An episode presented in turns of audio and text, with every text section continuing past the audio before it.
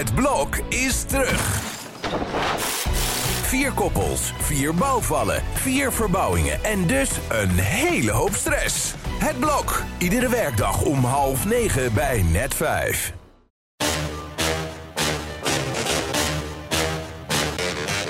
Dit is Strik Privé. De dagelijkse showbiz-update met Evert Zandgoeds en Jordi Versteegde. Ja, op 4 mei. Toch altijd een hele indrukwekkende dag, hè, Evert, vandaag. Ja, daar was ik me als kind altijd al van bewust, uh, door mijn ouders. En uh, ik was dan ook druk, als kind al druk met het half stok hangen van de vlag en uh, na achter vol in stok. En ja, het is toch wel de manier om je kinderen duidelijk te maken wat er wat er destijds is gebeurd en dat dat nooit vergeten mag worden. Sterker nog, dat het ook een hele grote waarschuwende vinger is voor wat er, uh, ja, niet dat we er ons iets van aangetrokken hebben, mm -hmm. dat wat er in de wereld kan gebeuren. En wat dat betreft is het wel heel belangrijk dat er het op 4 mei om 8 uur ook echt twee minuten stil is. Ja, bij mij is nog altijd die, hè, die, die toespraak toen van André van Duin. Die zit nog zo goed in mijn hoofd. Uh, daar op de Dam, die stille Dam. Vanavond is dat Diewertje Blok. Uh, ben je daar benieuwd naar, naar wat zij gaat uh, vertellen? Ja, uiteraard. Een leuk mens. En, ja. van Joodse komaf. En ook met de familiegeschiedenis natuurlijk. Ja. En ja, ik ben daar wel benieuwd naar. Trouwens heeft Willem-Alexander ook ooit een van zijn beste toespraken van het Sobibor begint in het Vondelpark. Mm -hmm. Zo was het natuurlijk ook een keer. Want ja, ja. we hebben het allemaal met eigen ogen gezien gebeuren dat Joden op een gegeven moment het Vondelpark niet meer in mochten. En toen dit ja. niet meer mocht en toen dat niet meer mocht en toen op de trein werden gezet. En zo ging het van kwaad tot erger. En die signalen opvangen, ja, daar moet uh, op tijd tegen opgetreden worden natuurlijk. Ja, jij liet de naam van de koning al vallen. We gaan het zo meteen nog even over de koning hebben, want hij had vandaag ook weer een podcast. Hè? Maar eerst gaan we even stilstaan bij de herdenking van Paul van Vliet gisteren, want die was bijzonder emotioneel hè? Ja, in deze doorgaans vrolijke podcast gaan we van het ene ja. zwaardere onderwerp naar, naar, het volgende. Ja, ja, De, de theaterwereld liep gisteren uit voor het afscheid van Paul van Vliet. Op de enige plek die je daarvoor kon bedenken natuurlijk. De, de Schouwburg uh, aan, het, aan het Voorhout in, in Den Haag. Mm. Theater waar hij zelf heel veel heeft opgetreden. En waar hij uh, gisteren voor het eerst lag zonder dat er uh, iets te lachen viel eigenlijk. Mm. Want het afscheid van Paul van Vliet, de dood van Paul van Vliet, is heel hard aangekomen in het hele wereldje. Vooral omdat niet iedereen op de hoogte was dat hij, een, uh, dat hij ziek was mm. en zo snel overleed. Dus ja, ze waren er allemaal. Van Joep van het Hek, Freek de Jonge, Herman van Veen. Ja. buitengewoon emotioneel allemaal. En ook de nieuwe generatie van, van ja, het staat vandaag in de krant wie er allemaal waren. Maar als je de foto's ook ziet, het was een, uh, een, geweldige opkomst voor een geweldige cabaretier. Ja. Die enorm gemist zal worden. Niet alleen als artiest, als optredend artiest, maar ook als vriend en een, een, een, een, mentor eigenlijk van heel veel jongere collega's. Ja, nog even goed om in de agenda te zetten. Op 10 september, wanneer hij jarig zou zijn, wordt uh, bij Omroep Max zijn afscheidsshow, die vijf jaar geleden is opgenomen, die wordt dan uitgezonden als uh, eerbetoon. Dus, uh, Op de dag dat hij geen 88 wordt. ja. ja intens triest. Ja, laten we het weer over Charles hebben. Want uh, inmiddels is het nog maar, uh, ja, het komt steeds dichterbij. Nog drie dagen. Ja, die veiligheidsoperatie, Evert. Daar wil ik het even met jou over hebben. Want 29.000 agenten, dat is toch echt te bizar voor ja. woorden. Uh, het is uh, iedereen een gruwel om dat in, in, in goede banen te leiden. Dan ja. hoorde ik gisteren iemand zeggen: misschien vliegt Zelensky nog wel door naar Londen. Oh, ja. ja. dat kan er ook nog wel bij. Ja. Nou, daar geloof ik helemaal niks van, want dat wordt het één target natuurlijk. Met zoveel hoogwaardigheidsbekleders op één plek in Westminster Abbey. Mm -hmm. Dat gaat uh, ongetwijfeld niet gebeuren.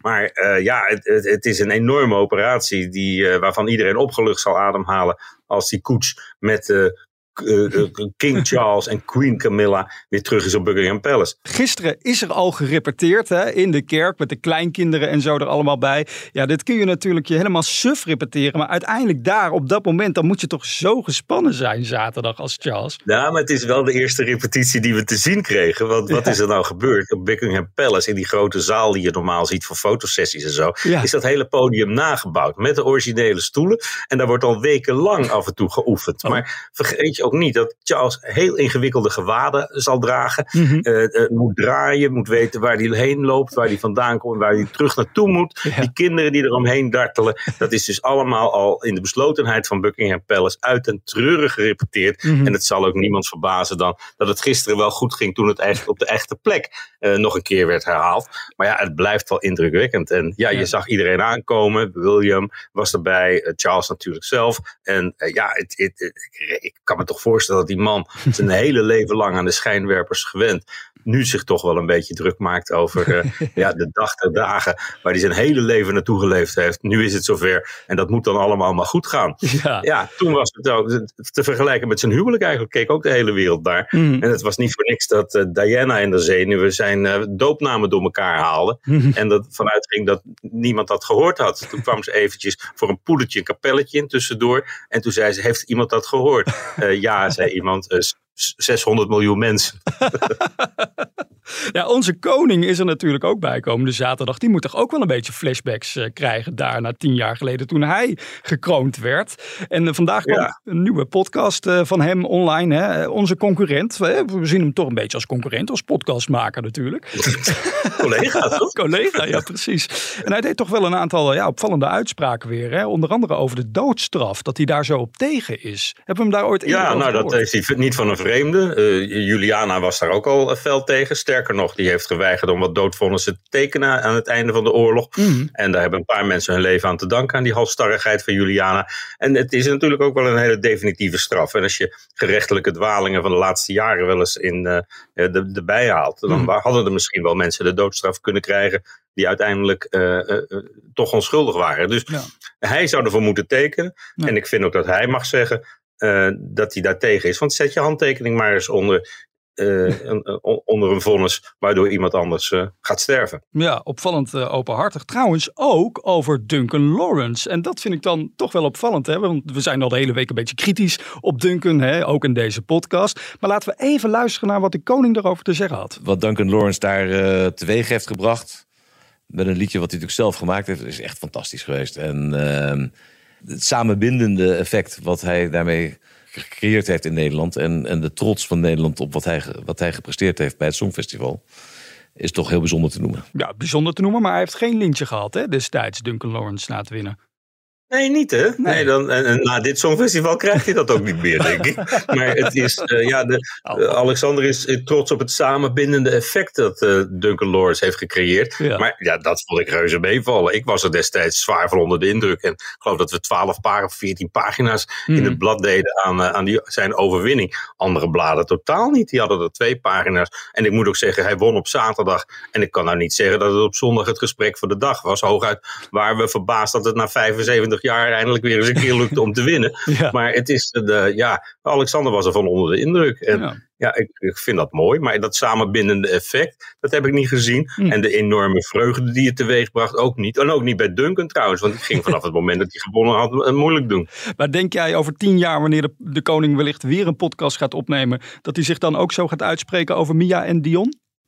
Nee, dat denk ik niet. Maar ik weet ook niet of hij weer een podcast gaat opnemen. Want er is er ook eh, een beetje lacherig over gedaan tot nu toe. En Hm. ja, het gaat ook maar door. Hè? Vandaag weer een nieuwe. En ja, nou ja. ja. Ja, nog vier afleveringen geloof ik eh, zijn er te maken. Dus eh, Jongen, jongen. we blijven maar even luisteren. Nou goed, En ik hem nog Willem de Zwijger noemen. Nou, dat valt wel mee. En wij zijn er morgen weer op de dag dat je weer vragen kan stellen aan Evert. Doe dat via podcast.telegraaf.nl. Mag echt over alles gaan, ook over Mia en Dion. Kom maar op en dan zijn we er morgen weer om 12 uur. En dan zijn we weer wat vrolijker dan vandaag hoor. Nemen we ons voor. Hè? dat beloven we. Tot morgen. Tot dan.